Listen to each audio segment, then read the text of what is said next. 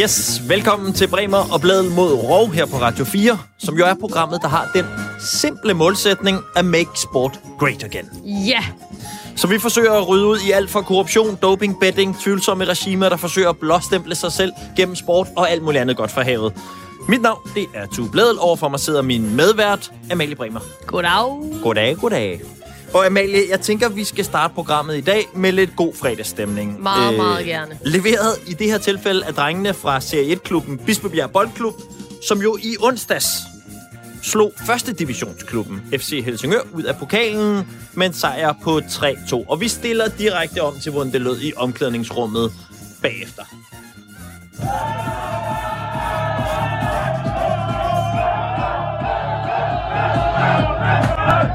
Der er god stemning, fornemmer du? Det er så skønt. Og det er jo pokalturneringen. Den kan noget, ikke? Ja, virkelig. Øh, altså masser af fyre i bare overkrop og med fodboldstrømper på, der danser omkring, øh, mens de øh, har en fest. Og formentlig nok ikke lige så øh, veltrænet og øh, veltrimmet fodboldkroppe, som dem, der var på FC Helsingørs hold. Nej, præcis. Fordi forskellen, den er altså til at tage at føle på. FC Helsingør, tidligere øh, Superliga-spillere i truppen blandt andet, øh, de er fuldtidsprofessionelle, får en god løn for at spille fodbold, og ikke andet hver dag. Bispebjerg-spillerne, de spiller jo i deres fritid. Jeg går ud fra, at de betaler kontingent. Det vil jeg da tro. Altså i modsætning til at få løn, det synes jeg bare sådan er til at tage at føle på.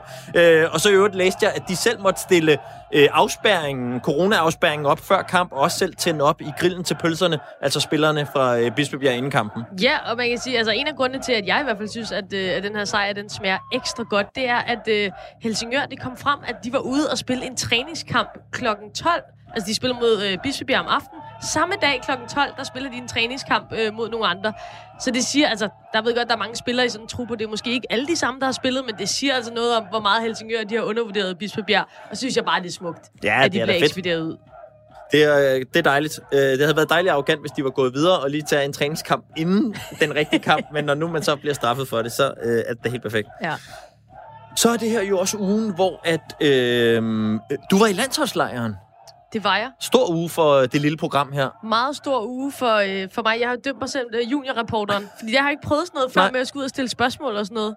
Øh, og jeg var mega spændt. Du altså, var- jeg var Æderspændt. helt vildt. Jeg var sådan, jeg kunne, jeg kunne dårligt nok sove om natten, og virkelig, altså sådan, jeg var så spændt, og, ja. øh, og, og havde bare glædet mig helt vildt meget til, til både det her sådan, polemik omkring, hvordan foregår det med presse og, og så videre, og jeg skulle op og stille de her spørgsmål, og jeg glædede mig helt vildt meget til at få svar. Så øhm, Ja, men så også bare det der med at møde nogle af heltene går ud fra, altså.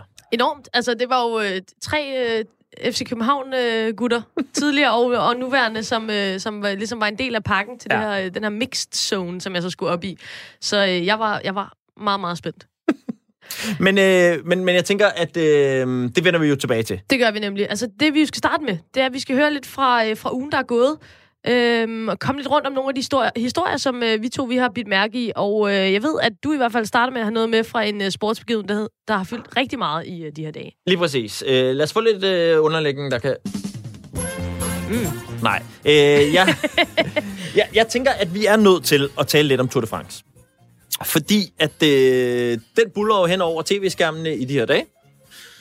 Og bliver jo gennemført på et tidspunkt, hvor alle andre store sportsbegivenheder, og alle andre store begivenheder, mm. er sat on hold. Men i bedste... Altså, jeg, må, jeg er lidt splittet omkring det. Fordi jeg kan godt lide det franske i det, i Ja. at sige- de ligesom siger, selvfølgelig, the show must run. Og, og de siger sådan der, Det var min bedste red, franske, red ja. zone, no, no, no. Nej. Nej. Det tror de ikke på. Øh, og det er jo selvom, at smittetallene i Frankrig nu igen øh, går i den helt forkerte retning, og Paris er mere eller mindre altså, lukket fuldstændig øh, ned. Ja. Og det i Nice, hvor de, skulle, hvor de skulle starte, det var sådan noget to dage før, så blev den rød zone, og ingen måtte rejse der til. Bortset lige fra hundredvis af cykelrytter og holdmennesker, der bare sådan, Ja. kom der glæde. Det virker lidt mystisk. Signalværdien er lidt skæv, tænker jeg, på en eller anden måde, i forhold til, når. Ja. alle andre mennesker ligesom skal lægge meget, meget bånd på deres færden, og så er der nogle cykelryttere, der bare øh, trumfer igennem.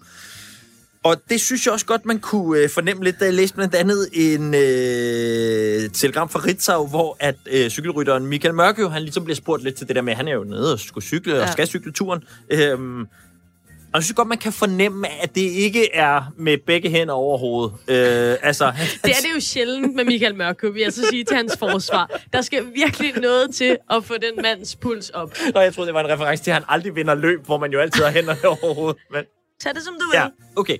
Øhm, her er, hvad han sagde til Ritzau.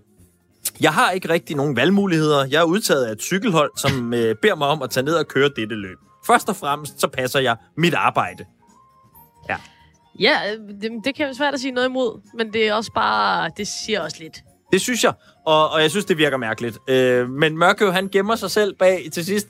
Et form for, altså nærmest sådan uh, Inception-kryptisk citat. Jeg ved ikke, om han lige har været inde og se den der Tenet, ja. Hvor det hele også er lidt rundt på, og al virkelighed for, altså forvrængende. Fordi han siger i hvert fald, i den sundhedskrise, som vi er i, så kan jeg forstå alles holdninger. Der er ikke noget, der er rigtigt eller forkert. Ah, Michael. Jo, der er faktisk, faktisk er der rigtig meget, der er forkert. Og meget, der er rigtigt. Altså, det er ret skarpt skåret lige for tiden, hvad der er rigtigt og forkert. det er altså en mand, der bare vælger til sidst at slå ud med armene, hvis han, for første gang måske i sin karriere, og sige, jeg ved ikke, hvad der foregår. Jeg kan forstå alt. Ja. Eller intet. Jeg ved det ikke rigtigt. Nå, hvad har du kigget på? Jamen, øh, en for, øh, for mig personligt lidt mindre, øh, men for, for mange, som er inde i øh, e-sport, øh, Mhm. stor øh, ting, og for alle, tænker jeg, ret øh, kuriøs øh, lille sag fra ugen her, der er gået, som er sagen om den danske e-sports coach, øh, som kalder sig Hunden. Det kan jeg godt lide. Det synes jeg er et øh, skønt alias i, øh, i computerspilsverdenen. Ham her, hunden, han har simpelthen øh, snydt, så det driver. Nå. Øh, og det drejer sig altså, han er dansker. Han Mhm. hedder Nikolaj Petersen, og er træner på øh, det danske Counter-Strike-hold, Heroic. Og de fleste kender måske øh, Astralis, dem Mhm. som kender lidt til e-sport. Men Heroic er altså PT Danmarks bedste Counter-Strike-hold. Så Okay. de, de er sådan on the rise, øh, tror jeg godt, man kan sige. Så han er også et internationalt. Ja, bestemt, bestemt. Og de Hedder spiller han der også turneringer. hedder han der The Dog? Hunden. Hvad går han med? Hun- The hun- jeg ved det ikke. Jeg ved det ikke. Jeg ved det ikke. The Hound, måske. Ja. Øhm, øh, Heroic har lige vundet en stor turnering i Køln, og har, har nyt stor anerkendelse oven på det. Øhm, men så bliver det altså ramt af, at ham her hunden, han lige pludselig får et års karantæne øh, for at snyde. Og øh, det han har gjort, det er, at han har udnyttet en fejl i spillet, øh, hvor man så kan se, hvor modstanderholdets spillere bevæger sig henne rundt, Mm. rundt på de her baner. Øh, og det giver jo selvfølgelig ham selv og hans hold en enorm fordel. Og det har han altså gjort i 10 forskellige runder øh, i de her spil. Og man kan sige, e-sport, ja ja, det er der måske mange, der vil tænke, men de spiller altså mange penge, de her gutter. Ja, ja, det er jo altså kæmpe, kæmpe, kæmpe, kæmpe, kæmpe. Kæmpe. Øh, og ja, det er jo sjovt, fordi det giver jo næsten sådan nogle flashback til, da man selv sad på børneværelset. Altså noget med snydekoder, Præcis. Altså, jeg spillede hvor man lige pludselig 2. kunne gå igennem en væg. Ja, og man kunne skrive sådan noget skråstreg, skråstreg, pepperoni, skråstreg, Ja, eller andet. Og så fik man 10.000 guld, eller sådan noget, ikke? Men det må være et reelt problemstilling i forhold til, når man har en sportsgren, der foregår så meget på en computer, Præcis. eller på Præcis. computer.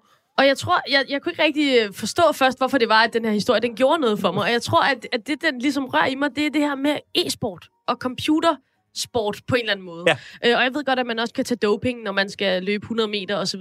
Men det er på en eller anden måde lidt svært at måle det her med, når det hele er inde i en computer og ikke ude i virkeligheden, så virker det her med snyd bare meget nemmere. Og det er derfor, at, øh, at jeg tror, at den her øh, sag, den er, den er ret interessant. Og jeg tænker, at det er jo ikke sidste gang, at vi, øh, vi hører til sådan noget. Absolut.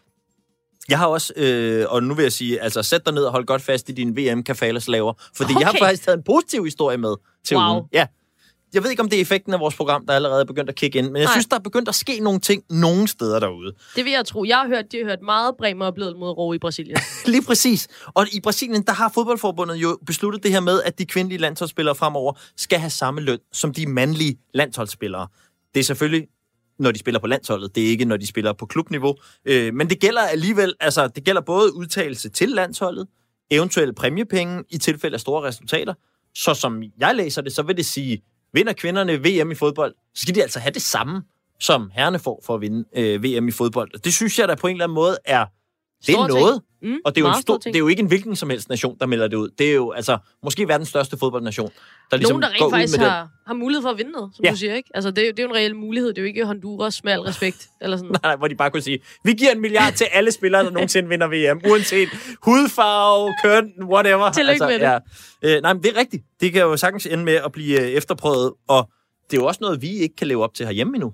Nej. Altså, øh, der er stadig ikke lige løn mellem de øh, kvindelige fodboldlandsholdsspillere og de mandlige, selvom at øh, for eksempel Pernille Harder som jo også har været i fokus i den her uge flere gange, har været ude og påpege, at det er lidt problematisk. Ja, og i, og i USA synes jeg også er et rigtig godt eksempel, fordi der er kvindefodbold, har faktisk en ret stor position, Mm. øh, hvor herrefodbold har ikke måske haltet efter, men i hvert fald har haft en mindre position i forhold til, hvor stor afstanden er i andre lande mellem herre- og kvindesport. Øhm, og der får mændene selvfølgelig også øhm, rigtig meget mere, eller ikke selvfølgelig, men, men det bliver lidt selvfølgelig, fordi sådan, sådan har det altid været mm-hmm. på en eller anden måde.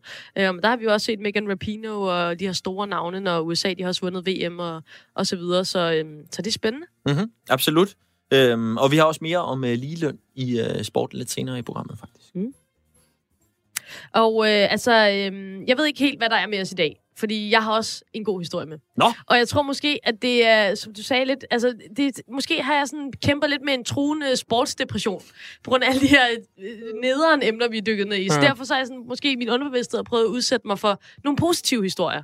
Øhm, for øhm, når man sidder og bakser lidt med alt det her sport og politik, som vi gør, og skal det blande sammen, og skal det ikke blande sammen, og virker det overhovedet? Altså er der overhovedet nogle positive historier, præcis. hvor at der er nogle atleter, som har rykket noget med alt det her? Øhm, så har jeg et eksempel med i dag, hvor man kan sige, ja, det er øh, faktisk noget, der rykker. Fordi Mm. det er nemlig A plus øh, atletaktivisme, som jeg har med i dag. Og det er en historie, som starter et lidt andet sted. Fordi i øh, juni måned, der går fodboldstjernen Marcus Rashford, som øh, spiller for Manchester United, mm. og øh, det engelske landshold, han går på arbejde, fordi i England, der er det sådan, at, øh, eller det var i hvert fald sådan, at øh, børnene, de får sådan nogle madbilletter, øh, når de går i skole, øh, så de børn som, og familier, som ikke måske har så meget at rute med, de også får frokost og, øh, og mad i skolen, og ikke skal gå sultne i seng. Klart. Øhm, men den ordning, den vil ikke vare i, øh, i, i gælde hen over sommerferien. Øhm, og derfor var der en masse familier og børn fra dårligt stillede familier, som måske ville komme til at mangle mad. Øh, men efter et super stedigt pres fra Marcus Rashford, så øh, laver den engelske regering altså en U-turn på den her øh, lov, eller hvad kan man Mm. sige, den her regel, der var. Og alle de her food stamps, de kommer så til at gælde sommeren over. Øhm, og så er det altså, vi er fremme ved i dag, i dag, for øh, nu har Marcus Rashford lige bygget oven på det her i forvejen fremragende initiativ, øh, og lavet et stort samarbejde med en masse store spillere på det engelske madindustrimarked, øh, for at sætte fokus på, på den her manglende mad øh, for nogle engelske børn og øh, familier, som ikke har råd til mad i hverdagen.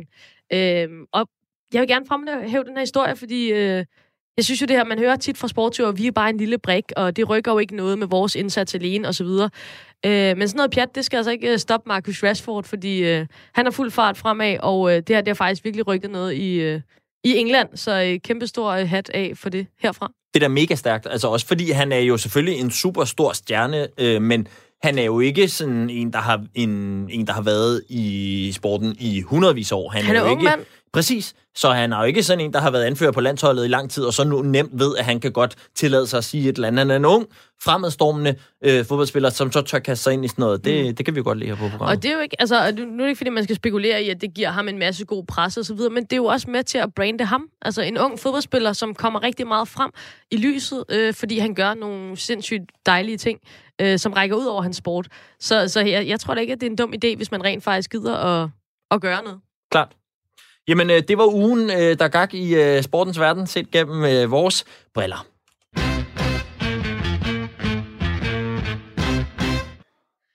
Vi har øh, talt rigtig meget om VM i Katar, og øh, er det nok en af de ting, øh, Tusind, vi kommer til at bruge rigtig meget krudt på her i, øh, i Bremer og Blædel mod Rov, for det er altså noget, der ligger os meget på sinde. Øhm, Og det er jo blandt andet fordi, at det kulminerer med, at det er en af de ting, vi elsker allermest på jordkloden, nemlig VM i fodbold. Mm. Og så er det også et af de steder, hvor der åbenlyst er noget galt i sportens verden lige nu. Det må man sige. Altså, øh, moderne slaveri, øh, det hørte vi fra øh, Dansk øh, Institut for Internationale Studier i sidste uge, og nu er vi altså i gang med 10. år af det her vanvidsbyggeri nede i Katar, og der er ikke sket noget som helst fremskridt med, med forholdene for de mange øh, migrantarbejdere. Lad os lige høre, hvad øh, Signe Plambæk sagde til os i øh, sidste uge, da vi spurgte hende til tingenes tilstand i Katar. Det vigtigste er det her med, at, øh, at det er jo migranter, der bliver udsat for, for udnyttelse, og øh, det er jo ikke øh, lokale øh, borgere. Og en af grundene til, at de kan udnyttes, det er jo for eksempel, fordi de må aflevere deres pas, eller de har lånt mange penge for at, at rejse fra deres hjemland, fra Nepal, fra Indien, hvor øh, arbejdere nu kommer fra. De kan ikke øh, slippe væk, de kan ikke komme hjem til deres hjemland, de kan måske ikke lige få deres pas igen. Øh, og udnyttelse af migrantarbejdere er noget, vi ser mange steder i verden. Øh, Øh, og, og så er der så det her med, at det er byggebranchen, øh, som også er en udskældt øh, branche i forhold til udnyttelse af migranters arbejdskraft. En af de problematikker, der tit er, det er, at der kan sidde en, en rig øh, byggeejer øh, et sted, og han har så ligesom udliciteret hans øh, øh opgaverne, sådan at man faktisk ikke rigtig har et overblik over, hvem er det, der i sidste ende bygger stilaserne, hvem er det, der bliver udnyttet, at de ligger på de her forfærdelige steder og sover, hvor de ikke har adgang til vand. Den, der tjener pengene, sidder langt væk derfra. Øhm, så det kan være rigtig svært at, at regulere. Øhm, så det er bare noget af det, men det er helt typiske tegn på, på det, nogen kalder moderne slaveri, arbejdsudnyttelse, tvangsarbejde, som Amnesty øh, kommer frem med her moderne slaveri. Altså, det er virkelig svært at tage det udtryk i munden, uden at få en akut dårlig smag. Især hvis man ligesom øh, forestiller sig, at man godt kunne tænke sig at se noget VM-fodbold. Ja, og jeg må sige, altså, da vi snakkede med Signe i sidste uge, der, der, der blev jeg sgu sådan, altså, der blev jeg, jeg kunne mærke, at det, det virkelig øh, var, var vildt at høre om. Ja. Altså, så konkret, hvad det er, der foregår øh, bag noget, som kommer til, uanset, øh, altså formentlig kommer til at være en kæmpe folkefest, og folk rejser der til, og hurra, hurra, og fodbold. Øhm, ja, og, så ja, og vi ved godt, der skal nok komme de der øh, 45 sekunder i TV-avisen på et eller andet tidspunkt om noget med forholdene for de her øh, altså, øh, migrationsarbejdere, men, men det er jo ikke noget, når der kører altså, to gange 45 minutter flere gange om dagen med netop øh, lækker farvefjernsyn og folkefest. Præcis, og det er derfor, at vi rykker ind. Øh, fordi man kan sige, nu kommer Human Rights Watch med den her kæmpe rapport, som også det, vi, vi snakkede med Sina om i sidste uge. Og så er Katar så, så flot øh, på bagkanten, af det lovet, at øh, nu vil de afskaffe det her kafala-system. Øh, men der skal vi altså lige hilse at sige, at det er fire gange, de lover at gøre det, og der er ikke rigtig sket noget. Og nu siger de så, at de vil måske gøre det inden for de næste seks måneder. Så det vil sige, der er vi fremme i et eller andet midt 2021. Så det er der, hvor de vil være færdige med stadions. Det er lidt for sent, ja, ja. fordi nu har de været i gang i, øh, i ni et halvt år. øhm, så altså, øh, vi tænkte selvfølgelig, at vi skulle, vi skulle høre DBU og høre landsholdets øh, holdninger til, hvad fanden vi stiller op øh, med det her VM. Så derfor så tog øh, juniorrapporteren altså mod landsholdslejren i Helsingør i går. Ja, og det vil jeg sige, det var jo altså helt tydeligt at mærke, at altså, udover jeg glæder mig til at mm. høre, hvad spillerne ville sige, fordi planen var jo, at du skulle op og spørge dem til det her med, hvordan de har det med at spille på de der stadions, der er bygget af de her mennesker under de her arbejdsforhold. Ikke? Ja. Øhm, og det er jo i sig selv selvfølgelig lidt anderledes, end at tage op og sige, Nå, Thomas Delaney, bliver det to eller tre mål i første Flot kamp? Hår. Ja, sådan noget agtigt, mm. ikke? Øhm, så det var jeg spændt på, og jeg kunne mærke, at du var også spændt. Både fordi, Meget. at det var selvfølgelig sådan lidt en, en hård ting at komme derop med, og så også, at du skulle for første gang i landsholdslejren, og du er jo en rigtig fodboldpige. Altså, du har jo dyrker fodbold helt overdrevet, og også landsholdet. Øhm, så jeg fik sådan et billede af, da jeg sendte dig afsted ud af døren, så var det med et stort smil. Altså, og jeg fik sådan et billede af dig i din øh, folkevogn op med vinduet ned, og måske den her på anlægget, og altså bare... Like we always do with this time. jeg havde sådan en idé Det er ikke helt ved siden af. Nej, vel? Det er det ikke. Og du havde fået sådan en form for selfie-stik til din mikrofon, og altså, der var ikke det, du ikke havde. Jeg var så klar. Jeg, var, jeg havde producer Kasper med, ja. og du ved, der var høj sol, og jeg var, jeg var flyvende. Ja, Nå, og det forstår jeg også godt, fordi det er jo landsholdet, og man tænker, okay, så bliver det jo ikke større her til lands. Øhm. Overhovedet ikke. Øh, jeg var fuld af øh, påmod og, og, og godt humør, altså det må jeg bare sige. Ja. Øh, og, øh, og, og så kommer jeg det op, og, øh, og nu kan jeg så fortælle, at det var noget lort. Okay, lort, lort, lort. Jeg, jeg fjerner lige så. Ja, Væk okay. med den der. Øh, jeg var mega skuffet. Men altså, inden du overhovedet når til at stille spørgsmål, eller bare sådan hele oplevelsen, eller hvad? Hele oplevelsen, øh, vil jeg sige. Altså, det var, jeg, var, jeg var rigtig trist. Øh, fordi, altså sådan, der var mange ting. Mm. Det, det var meget sådan, og jeg ved godt, der er corona, så normalt så ville der jo nok være Klart. nogle mennesker, der ligesom nogle familier, der havde taget op for at kigge på træninger, der ville ja. være sådan lidt mere leben omkring. Og det var der altså ikke. Det var på et elgammelt, øh, det, ligesom, det var faktisk FC Helsingørs aflagte stadion, okay. de træner på. Og det er, så, det er sikkert fint forhold, ja. det er ikke så meget det. Men det var sådan lidt, åh, og der var jo ikke nogen mennesker, og der var ligesom kun os øh, pressefolk, og, og så fik vi sådan ligesom heller vi fik ikke talt med dem, som vi havde fået lovning på, at vi øh, kunne tale med, og, og spillerne sådan, i stedet for at gå hen og tale med, med os pressefolk, der stod, så stod de sådan meget tilbage og snakkede med hinanden, og, og de andre folk fra DBU.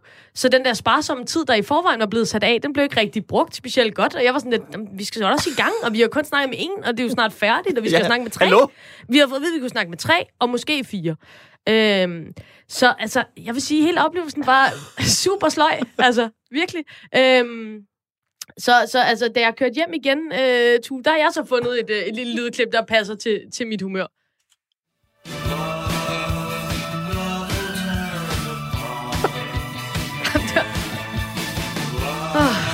Jeg kigger op mig febrilsk om i studiet efter Kleenex. Ja, det var... Du er stadig øh, ikke kommet der. Nej, producer Kasper, han kiggede på mig på vej med bilen og sagde, han, du, du ser sgu lidt mat ud. Og det var jeg også. Øhm, Åh, ja. det må jeg sige. Det Ja. var øh, en, øh, en trist oplevelse. Ja, altså, jeg ved slet ikke, hvad jeg skal gøre af mig selv. Altså, næste gang, hvordan jeg skal ligesom Nej. træde til og så videre. Men altså, okay, lad os komme rundt om, hvad der så blev sagt deroppe. Ja. Øh, fordi vi har står med det her meget, meget præsente problem med VM i Katar. Mm. Øhm, og det hele startede egentlig meget godt øh, deroppe. Okay. Altså ikke for mig, men for dig, Tu. Ja.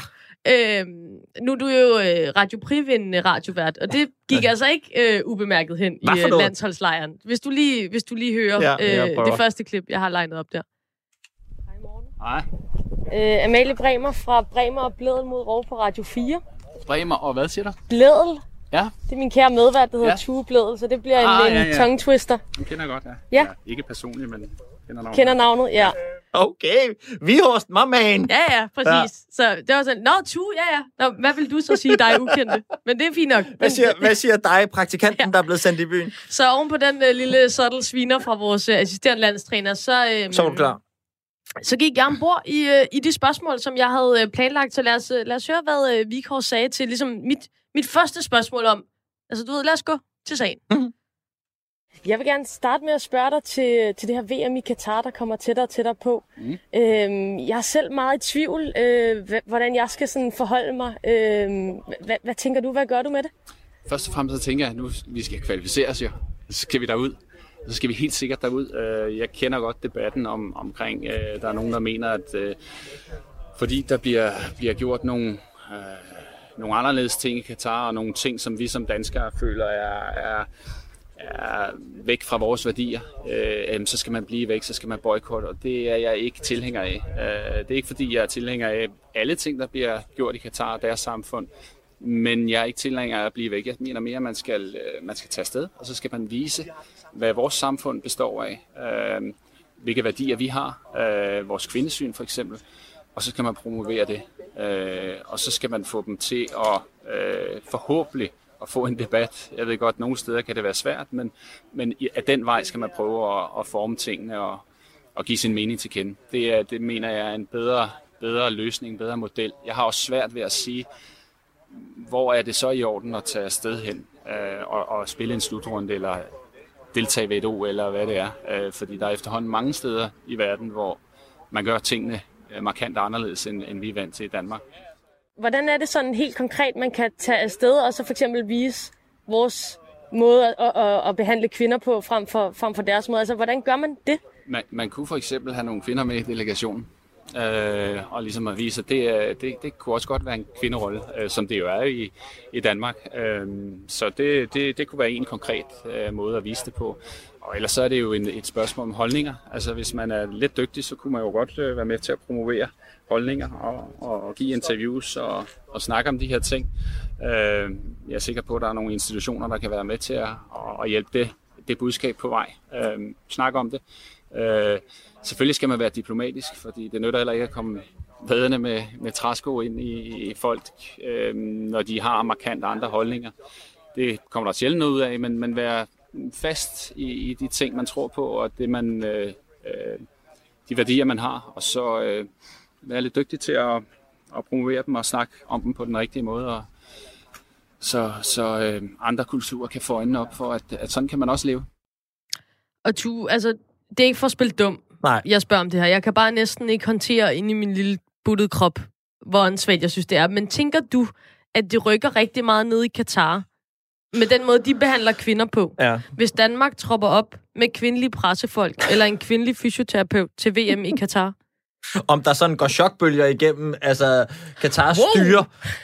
Kvinder kan have et Straks arbejde. kommer en løbende ind til sheiken med sådan et stykke papir på, hvor der står, der er ankommet en fysioterapeut. Jeg tror, hun er kvinde. Vi må gøre noget. Måske vi skulle se radikalt. Nej, jeg tror det ikke.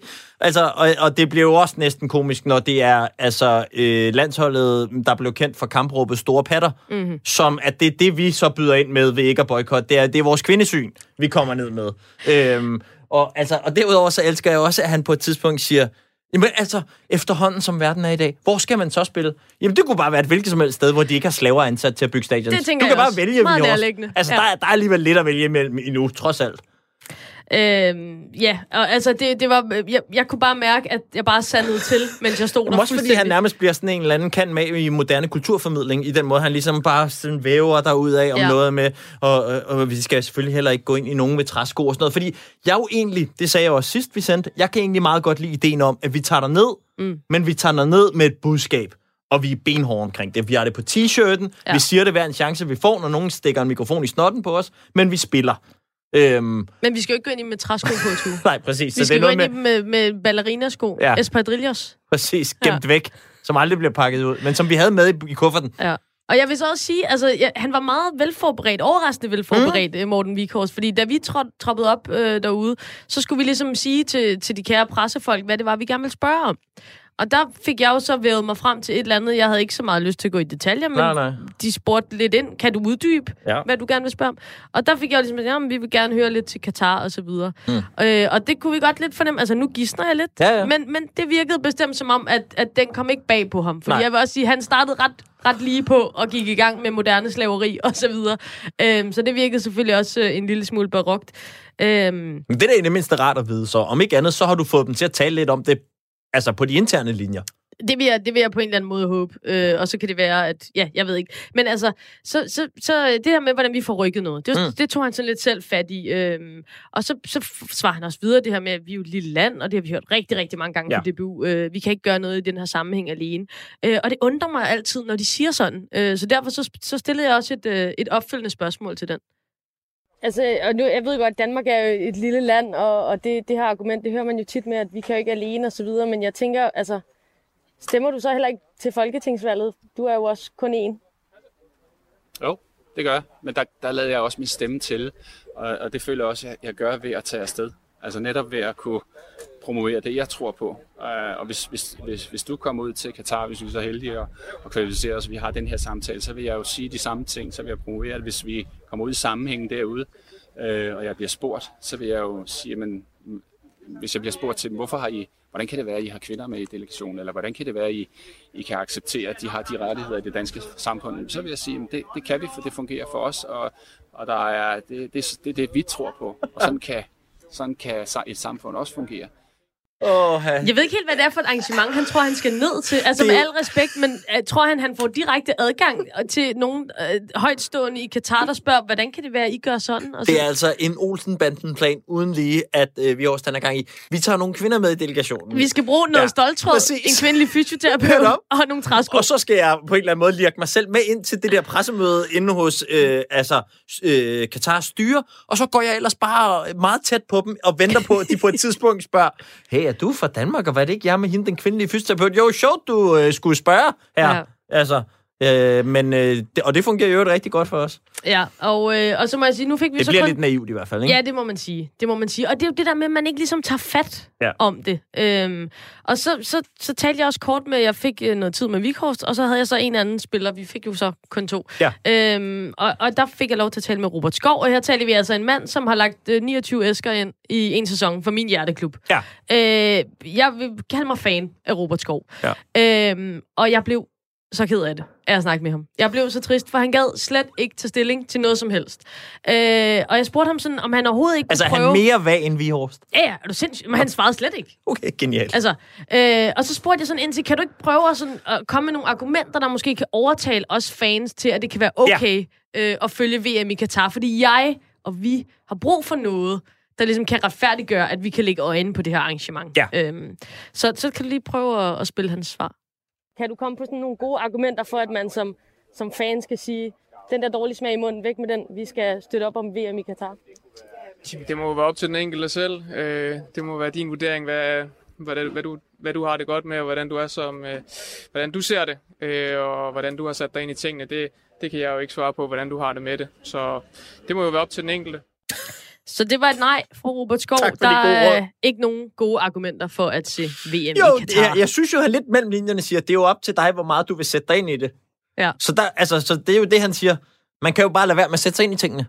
Og så kan man bare se det, og så kan man have det rigtig præcis. godt. Bare- Dejligt ned i maven. Det er den gode gamle skyklap-model, ja. Ja. hvor man simpelthen bare vælger at ignorere, at man er med til at blåstemple et regime, der har slaver ansat til at bygge stadions. Og der må jeg bare sige, altså det undrer mig helt enormt, at, at man sådan, uanset om man er tømrer, eller fodboldspiller, eller pædagog, eller hvad man er, at man ikke som menneske, når der står en og spørger til, hvordan føler du selv nede i maven, Ja. omkring, at der er mennesker, der dør, der er mennesker, der lever under rigtig, rigtig dårlige forhold og har bygget de her stadions, at man så ikke kan mønstre en holdning, eller formaste sig. Og det er jo ikke, fordi man pisser på FIFA eller DBU ved at sige, hey, det synes jeg faktisk er, er rigtig skidt. Det gør mig da ked af det, at der er mennesker, der lever på den måde, for at facilitere min sport, og det fede liv, som jeg lever som fodboldspiller. Ja, ja. Det kan jeg simpelthen ikke forstå. Nej, for det er jo fair nok at have en anden holdning, end den vi har. Og det er jo fair nok at sige, jamen, jeg enten tror på, at der er større kampe at slås for, eller det er slet ikke min rolle som fodboldspiller, eller...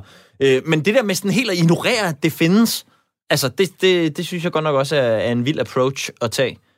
Ja, og det, altså, jeg var øh, som sagt øh, mange gange nu trist, da jeg tog derfra. Øh, at du er lidt gladere, vil jeg sige, men det er også fordi, du, du knækker lidt i skægget over, at, øh, at jeg blev så depressiv af at, at være oppe hos, hos landsholdet. Nej, men jeg, på en eller anden måde, så kan jeg også godt lide, at vi i hvert fald nu har fået slået fast, at der skal ske et eller andet her. Og vi har også fået ja. Pillet den sidste smule naivitet ud af dig, kan jeg mærke. Det altså, nu er vi på. ind til benet kyniske Ja. øh, i den måde, vi må gå til det her på. Jeg Øhm, troede, jeg kunne være mavesur før, men jeg kan mærke, at min galle den er boblet over fuldstændig ja. øh, siden i går. Og, øh, og DBU og landsholdet, de offentliggjorde sådan lidt, altså lidt et sniløb på vores agenda, vil jeg sige. Øh, fordi lige pludselig offentliggjorde de jo så i går, efter vi havde været deroppe, at de ville knæle sammen med de engelske spillere i landskampen øh, Ja. mod England, i respekt for, for Black Lives Matter-bevægelsen. Øhm, og der er jo sådan lidt, man skal lige holde tungen lige i munden. Mm. Fordi først så tænker man øh, måske, det gør jeg i hvert fald, mm. tænker jeg, Åh, glad, Ja, ja, dejligt. klart. Øh, de tager stilling, øh, de kære mm. landsholdsspillere. Nu sker der noget. Øh, men så var det jo lige, at jeg havde brugt to timer, tre timer på at tage til Helsingør, og fik at vide, at de ikke kunne tage stilling til noget som helst Ja. politisk. Øh, og så tænker jeg bare, at det er en mega kæmpe gratis omgang, ikke? Altså, det er vi jo alle sammen enige om. Racisme, det er noget lort. I hvert fald undtagen Morten Messerschmidt og Lars Seier. Øh, Ja, det er de eneste to, der har været ude imod det knæleri. ja, det synes ja. de er noget værre pjat. Øh, men, men altså, Men det er rigtigt, den er sådan lidt ufarlig. det må man sige. Det... Og der, hvor man virkelig kan rykke noget, VM i Katar, altså, ja. eller andre sager for den sags skyld. Der har jo været masser af ting. Og der vil man så ikke. Øhm, ja. Og også det der med, synes jeg, det var også det, altså det var jo englænderne, der sagde det først. De sagde jo, når vi kommer til, så har vi tænkt os i den kamp og knæle. Og så har der jo siddet en eller anden DBU, der godt kunne lægge to og to sammen og tænke, så ser vi altså dumme ud, hvis vi står helt ranke og synger. Og altså, der er et yndigt land, imens at det hele det engelske hold, de sidder og knæler. Så det er jo også lidt sådan en sag, hvor man kan sige, vi var også, det var nærmest med armen på ryggen, at vi ender frem med, at vi knæler og støtter Black Lives Matter. Så ja, det, det kunne man godt have ønsket, at der kommer en større... Men lad os håbe, at det bliver et forsigtigt skridt. Ja. Spillerne får en god oplevelse med at have en holdning og udtrykke den på banen, og nogle af de engelske spillere så siger, hey, det var fedt, vi gjorde det mm, sammen. mm. Og så måske, ja, og så må vi jo sige at du herfra... kan lave et nyt interview med Robert Skov. Jamen, det må, det må jeg jo gøre. Ja. Altså, det, det bliver jo ikke sidste gang, at jeg må tage derop. Øh, og så må jeg bare øh, have lidt mere panser i rygsækken næste gang. Øh, og ligesom, så ved jeg jo, hvad jeg går ind til, kan man sige. Øh, så det bliver jo ikke sidste gang, at vi øh, her fra kanalen i hvert fald øh, tager det her op og, og stiller de her spørgsmål. Helt klart. Nå, landsholdslejren for den her gang, ikke? Mm-hmm. Mhm. Det må vi sige, det var det. Vi kan ikke, din psyke lukket. kan heller ikke tåle Lort, mere lort, nu. lort, sagde jeg. Ja, præcis.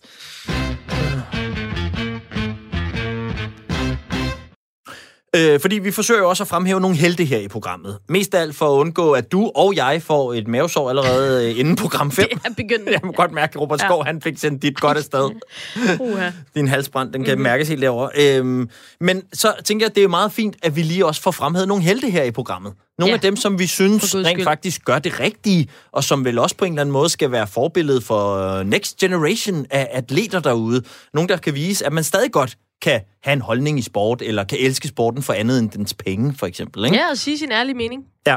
Øhm, og altså, hvis vi skulle prøve at sådan beskrive, hvad der gør en held i vores program, så tænker jeg, en måde at beskrive det på, er at sige alt modsat Robert Skov, og jeg, hvad han lige sagde i det klip her. At det, det smerter mig igen at Ja. sige det her om den her skønne, skønne dreng fra, fra Sejs øh, ved Silkeborg. Men altså, hold det op. Ja.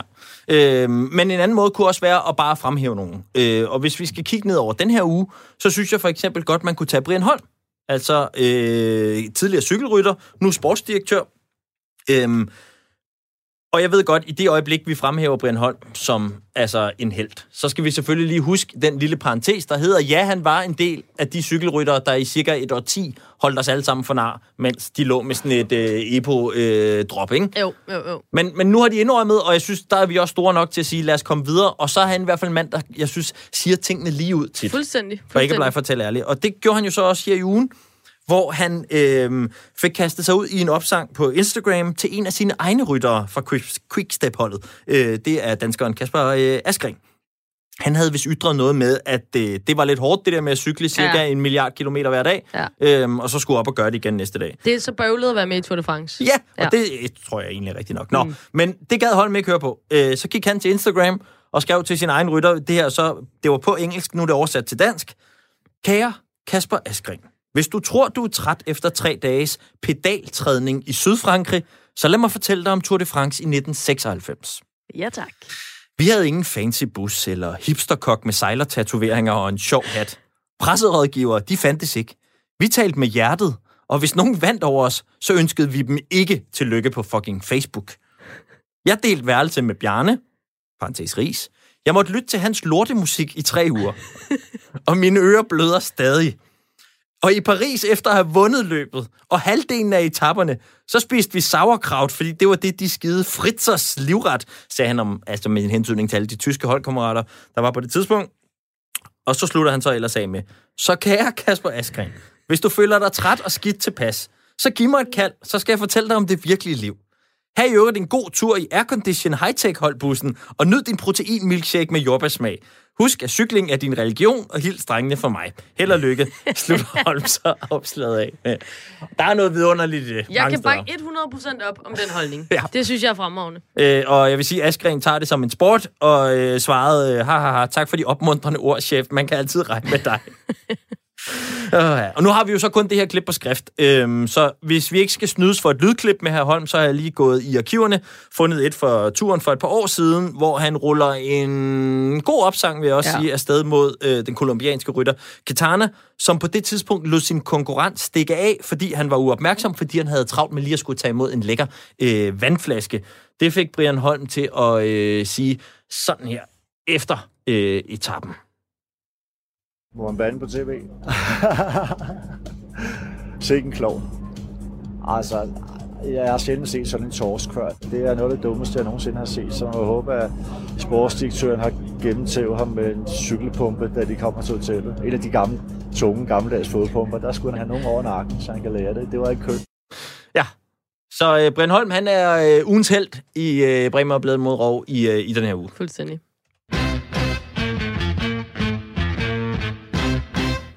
Derudover så er den her uge jo også en rigtig god uge til at tale om ligeløn i sportens verden. Øh, og årsagen til, at øh, man kan komme på det, det er jo, at det blandt andet var i den her uge, at danske Pernille Harder, den danske kvindelige fodboldspiller, hun blev den dyreste kvindelige fodboldspiller nogensinde på verdensplan, da hun blev købt for 2,6 millioner kroner til Chelsea fra Wolfsburg.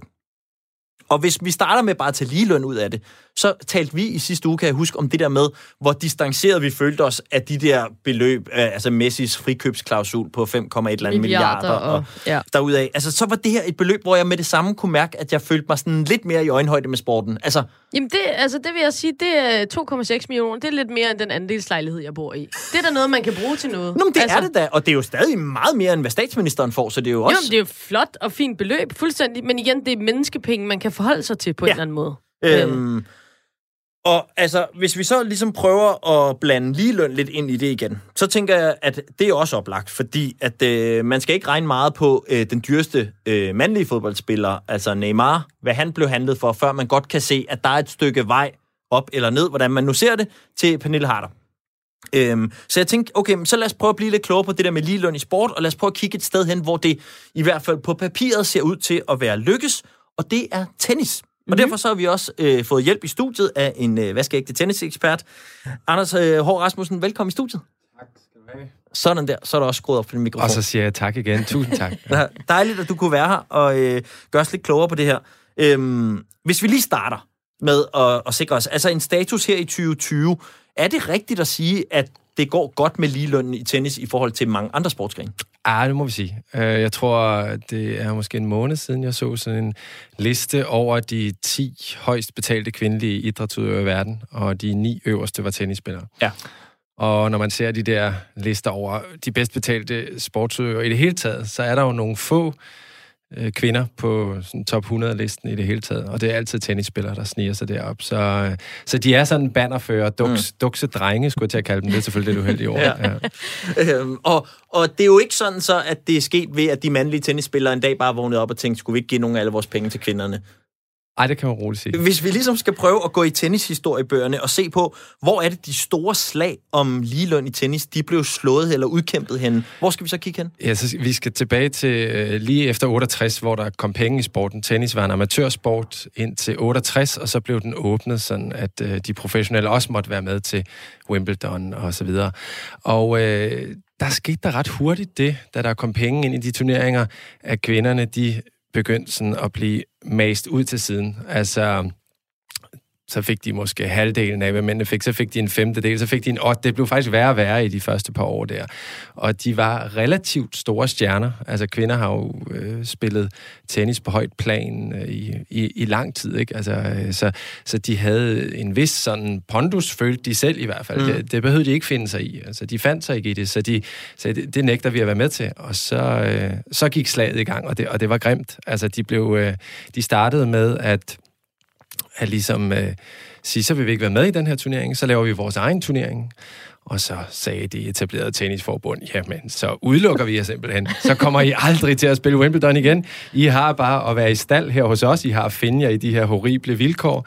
Og så sagde de, okay, det gider vi stadigvæk ikke. Altså, så, og nu, jeg tog lige et billede med herind af sådan en gammel historiebog. Der er de her sådan billede af de ni er kvinder. fedt. Ja, Mm. The Original Nine hedder de, som Sådan. øh, skrev sådan en øh, kontrakt øh, på en dollar. De sidder og holder sådan en dollarseddel op foran sig her, som en slags sådan, øh, revolution, eller hvad man skal sige. Ikke? Og, og så gik kampen ellers i gang. Og de, altså de, de etablerede tennisforbund, de nægtede øh, dommerne at dømme kampene der. Altså de modarbejdede Okay. virkelig det her. Ikke? Så, så det, var, det var en hård kamp. Og også nogen, der så har sat sig alt, kan man sige. Altså nu siger du, de måtte skrive en... Øh, de havde ikke lige så gode aftaler som mændene, men tjente dog nogle penge, Ja. og valgte så at gå ned på en dollar, for ligesom bare selv at kunne styre reglerne. Jeg valgte at gå ned på en dollar, og valgte, altså mange af dem tænkte, jeg kommer aldrig til at spille Wimbledon, French Open, US Open igen. Altså, men, men jeg kommer til at have min frihed, eller hvad man skal sige. Altså, men, men de risikerede deres karriere, altså det var, der var alt på spil faktisk. Jeg har også et klip med med en af dem fra The Original Nine, som de øh, hedder, og som du lige viste os et, et billede af der i, øh, i bogen, øh, som er Billie Jean King. Øh, og vi kan lige høre et klip, og så kan du måske fortælle os lidt om, hvem øh, hun øh, er og var øh, bagefter. Which more athletes would speak out. They're told not too often by their associations, by their unions, by their sponsors, and particularly about their, their agents. They tell them, don't say a word, just go out and play, get the check. You know that you're trying to sell your products to everybody. And I'm thinking, really? Is that what, do you want to, that's not being on the right side of history. Here we have a, a unique opportunity. Billie Jean King. Øh, hvem er hun? Hun er øh, moderne prof kvindetennis moder simpelthen. Ikke? Det var hende, der var der var ligesom øh, frontkvinde for hele den her bevægelse dengang. Altså, de, hende, der stod ude på parkeringspladserne foran Walmart og prøvede at give gratis billetter til deres turnering. Ikke? Så det var sådan, de kæmpede, spillerne okay. selv, for at få... Fordi de var sikre på, hvis de kommer og ser, så skal de nok komme tilbage. Så skal de nok ja. ende med at betale. Ja, så hun, og, og hun har lige siden... Og derudover var hun en kæmpe stjerne, ikke? Ja. Den ene og den anden og den tredje turnering.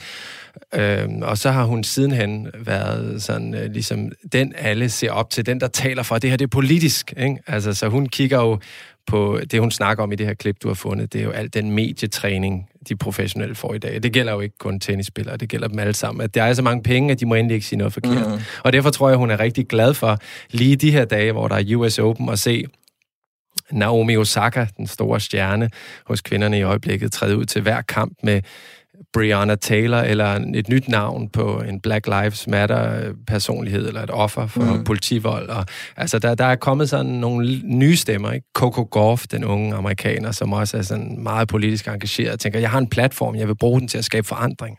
Og det, altså, jeg synes bare, det er så fantastisk. Jeg får helt sådan gåsehud af at høre om det, fordi mm. det, det er jo lige ned i, i det, som, som vi også gerne vil øh, her. Altså det her med sport og politik, der blandt sammen. Og selvfølgelig er det politik. Altså det handler om, at, at kvinder bliver set på som, som værende mindre værd end mænd. Øh, og er arenaen, om det er arbejdsmarkedet, eller om det er en tennisturnering, eller hvad det nu end er. Øh, det, er jo, det er jo det samme. Ja, ja, og sjovt er noget af den kamp, vi prøver at råbe op nu, at den blev i tennisverdenen udkæmpet så tilbage i 60-70'erne i virkeligheden, eller der blev de første store slag slået i hvert fald. Jeg har et klip mere med hende, hvor jeg synes, man også godt kan fornemme lidt, hvilken øh, superstar hun også er i forhold til, øh, til det politiske. Kom her. Everyone thinks women should be thrilled when we get crumbs, okay? And I want women to have the cake, the icing, and the cherry on top too. You know what got scary is that we had less and less tournaments to play. It looked like we weren't going to have any tournaments to play. Forget the money. We're not going to have a place to compete. That's why if you remember when I talked about the original nine, what our goal was, that any girl in the world that's born, if she's good enough, will have a place to play. Because we were not getting any, we were getting so we didn't have any tournaments. Yeah. So a place to play, be recognized for her accomplishments, not just her looks, and to make a living. Ja, der kan man altså høre, at hun øh, ikke er bleg for at øh, kaste sig ud i på den store øh, politiske klinge også. Hvis vi så spoler lidt frem, Anders, og sådan siger, øh, nu hvor du allerede nævnt du nogle af de nye kommende øh, tennisstjerner, der godt tør bruge deres platform også. Øh, hvem har ud over øh, The Original Nine øh, ligesom været med til at tage det passion og kæmpe for, for ligeløn i tennis? Hvem har, øh, har ellers taget kæmpet videre på deres vegne? Ja, men sådan øh, i de senere år, altså op gennem nullerne, hvor der stadig var store turneringer, French Open, Wimbledon, øh, som ikke betalte lige mange præmiepenge, der var det især Venus Williams. Og, øh, og det der det betyder jo noget, hvor stor en stjerne man er på banen. Nummer 77 i verden kan råbe højt, men det, det giver ikke den samme genklang. Venus Williams, hun var en ubestridte stjerne. Og især der i ved omkring årtusindskiftet 99 00 01, der var øh, kvindeturen, altså den overstrålede udstrålede mændenes tur. Det var Williams søstrene, Martina Hingis, Anna Kurnikova. Altså, der var nogle kæmpe Jennifer Capriati. Det var virkelig mm. det, det handlede om. Det var dem, folk ville se, dem folk ville snakke om. Og der var faktisk en lidt snak om, at at det, var, at det var mændene, der ligesom sådan red med på kvindernes succes. Ikke? og derfor var det endnu mere øh, provokerende for dem selvfølgelig, at de skulle have mindre i løn. Øh, men selvfølgelig kan man sige, var det Wimbledon, der var de sidste, der måtte øh, overgive sig sådan lidt øh, konservatismens højborg derovre i England. Øh, Klart. Ja. Der skulle lige løsnes lidt op i den der sådan, øh, striktrøje henover. Ja, præcis, før de kunne se det. Okay, øh, så, så i dag, hvor er vi så i dag i forhold til, hvor, hvor meget ligeløn er der i øh, professionel tennis i dag? Det, det er lidt kompliceret, fordi altså, de store turneringer, de fælles turneringer, øh, der er der fuldstændig ligeløn, men samtidig så... Ja, så sådan i, i præmiepengene? Ja, i præmiepengene, ja. ja. Og øh, samtidig så er det jo sådan, at kvinderne har deres egen tur, WTA, mændene har deres tur, ATP, de har hver deres øh, tv-rettigheder, som de forhandler sig frem til, hver deres sponsorer, så derfor genererer de hver deres penge, så derfor så er det lidt svært at sige, at det er uretfærdigt, hvis ATP øh, genererer flere penge end VTA, som, mm. som nogle gange er tilfældet. Altså, men det der, det, der kan være udfordringen, det er, at øh, kvinderne, når, hvis der opstår, så vi til French Open sidste år, hvor der så er der lidt regnværspause, og så uh, uh, så bliver det helt lidt travlt, så bliver kvindernes semifinaler skubbet ud på yderbanerne og spillet samtidig. Altså, så der er stadig en oplevelse af, at, at de bliver underprioriteret, når det, når det kommer til stykket.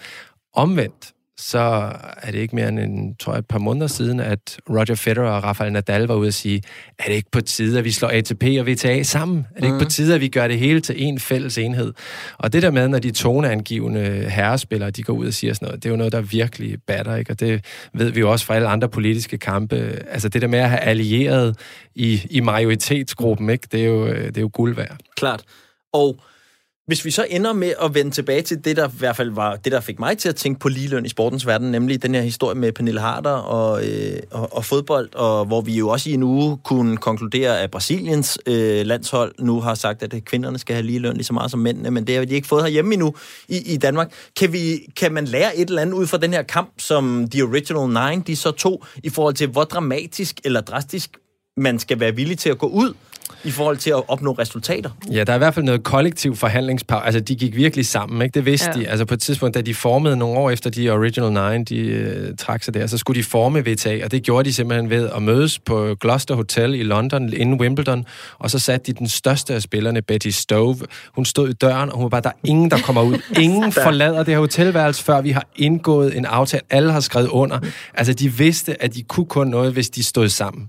Altså, så det er i hvert fald en lektie, at man skal stå sammen, og så skal man jo være modig, man skal være villig til at tabe alt. Og jeg synes jo, altså, nu, nu nævnte du også uh, Venus Williams før, jeg ved også, vi har en lille øh, lydbid med hende, fordi hun er også en af dem, som, som netop i, i anden bølgen på en eller anden måde har været meget vokal omkring det, og hvis vi skal trække det ud til de andre sportsgrene, altså Megan Rapinoe inden for fodbolden osv., altså nogle af dem her, som ligesom gør det til deres sag, øh, og som rent faktisk står op for det, også på den lange bane, og ikke bare når det lige passer ind i den tidsånd, der nu lige er. Det, øh, det tænker jeg er vejen frem. Absolut. Venus Williams kommer her. There's always going to be people who don't think that another person should be paid equally. And I think it's important for men to get on board. It's important for men to get on board because these same men have daughters, they have wives, they have sisters, and they should want those same opportunities for those people in their family. They have women in their lives that are important to them. And they Så der, der hører man jo i virkeligheden meget det, du også sagde før, i forhold til, at hun appellerer direkte ind til, at det, nu skal vi have mændene på banen her. Øhm, nu må de også øh, tage stilling. Og det, er- det er de kommet efterhånden, mændene. Altså det, det der også er et, synes jeg, interessant aspekt om det her, det er, at man kan snakke om, om lønfordeling i forhold til køn. Det er jo tit sådan, mm. det er den mest sådan, jeg skulle til at sige sexet måde at snakke om mm. det på, men der er jo også sådan, man kan også snakke om klasse. Altså øh, det der med, at hvem, altså, hvordan er pengene fordelt i forhold til de rigeste og de fattigste? Mm. Altså, så kan man sige, tjener, tjener kvinder lige så meget som mænd? Ja, det gør de måske op, altså de 10 bedste i verden måske, Ja. men, men hvad med hele bundpanelet? Ikke? Altså, fordi det er jo sådan i tennis, at de 50 bedste i verden lever flot af det, og dem, de så møder, som ligger nummer 100 i verden, de har svært ved overhovedet at få det til at hænge sammen. Altså, der er en indkomstfordeling, som kan minde lidt om USA, hvor den, de rigeste 1%, Ja. ja. de, så nogle gange, når vi snakker om Venus Williams og Roger Federer, så, så snakker vi om den der ene procent der, og så overskygger det, at måske snakke om sådan, okay, men hvordan kan vi skabe en sport, hvor man faktisk også kan leve af det, selvom man er nummer 200? Og øhm, helt kort her til sidst, altså det er bare mit indtryk i forhold til tennis, øh, både i forhold til lønnen og så videre. Nu snakker vi om det her med mænd og kvinder, der er sådan lige. Øh, jeg synes også, at man ser Wozniacki afslutter sin karriere, så er der klip med, fat, øh, hvad hedder det, Rafael Nadal og Roger Federer og så videre, der, der giver hilsner til hende. Det tænker jeg ikke, man vil se i fodbold på samme måde. Øhm, er tennis en forgangssport i forhold til det her med Ja, ligestilling? ja, det er helt unikt. Altså, og det har det været helt fra starten. De spillede jo mixdouble med hinanden i 1800-tallet. Ikke? Det var skandaløst mænd og kvinder, der løb rundt ligesom, og, og ligesom svedte sammen. I nærheden af hinanden. Ikke? Altså, prøv at forestille jer Ja. det. Ikke?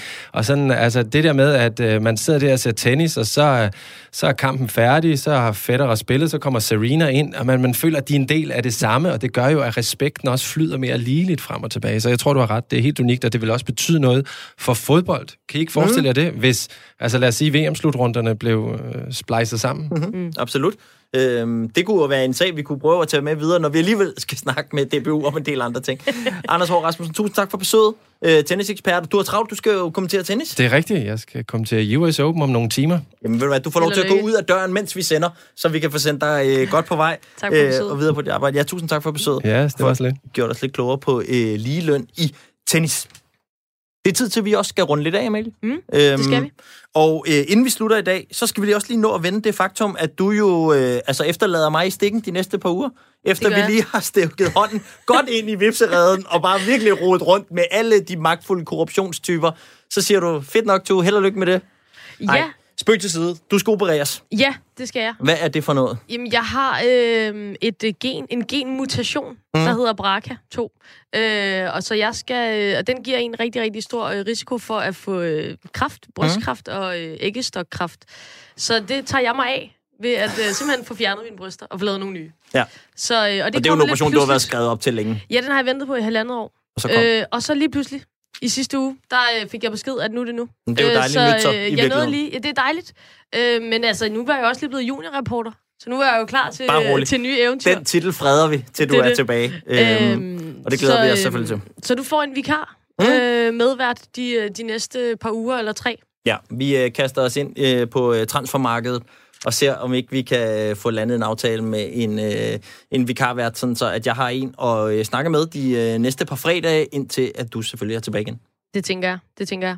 Og øhm, altså, øh, ja, endnu en uge vil jeg sige med fuld knald på i, øh, i Bremer og Blædel mod Rov. Ja, der har været masser, og vi har været i landsholdslejren, og vi nåede ikke engang at følge op på, at jeg også synes, det er lidt øh, spøjst i forhold til, hvor meget vi snakkede NBA og Black Lives Matter, og hvor meget de der spillere, de altså virkelig fik sagt, nu overvejer vi helt at sløjfe sæsonen, og så var jeg lige inde og se en playoff-kamp i går. Altså, og selvfølgelig er det stadig med masser af træningstrøjer med Black Lives Matter på og sådan noget, men ellers så blev det jo bare spillet derudad. Ja, det var lidt noget mærkeligt noget. Og det samme nu, nu havde vi jo lige Anders med, men det samme skete jo med tennis. Så udsatte de det lige en enkelt dag, og så genoptog de. Så det, det kom til at lande sådan lidt mærkeligt med Ja, to og- stole. Ja, fordi og så bliver det næsten endnu værre for mig, det der med, at så har man, altså, så, så reducerer man Black Lives Matter emnet protestbevægelsen til at være en hviledag. Altså, Ja. Du ved, så var det bare lige, når vi stoppede lige op, vi noterede os det, men så er vi ellers, øh, altså business as usual, øh, et par dage senere. Ja, så luften gik uh, lidt af ballon. Det, det, det så lidt mærkeligt ud. Det gør det i hvert fald.